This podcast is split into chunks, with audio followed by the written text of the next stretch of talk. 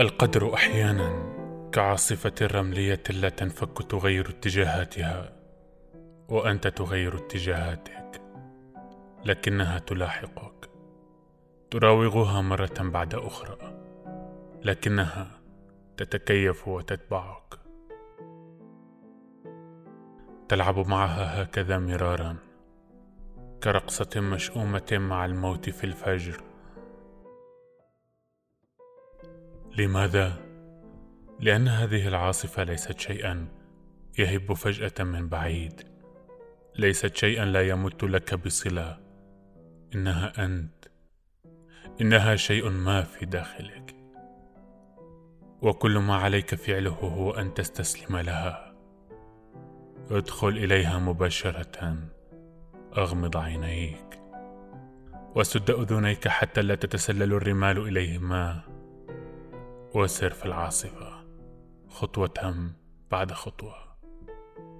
ليس من شمس هناك ولا قمر ولا اتجاهات ولا إحساس بالزمن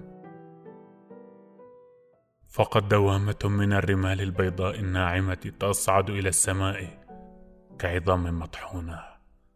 هذه هي العاصفة التي عليك أن تتخيلها.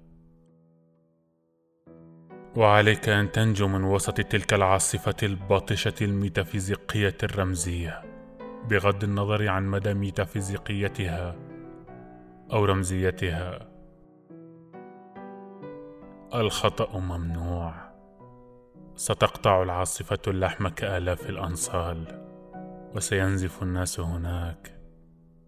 وستنزف أنت أيضا. ستنزفون جميعا دما أحمر. حارا وستتلقف أنت هذا الدم بيديك دمك ودم الآخرين. ولحظة انتهاء العاصفة لن تتذكر كيف نجوت منها لن تتذكر كيف تدبرت أمرك لتنجو ولن تدرك هل أنت العاصفة أم لا. ستكون متيقنا من أمر واحد فقط.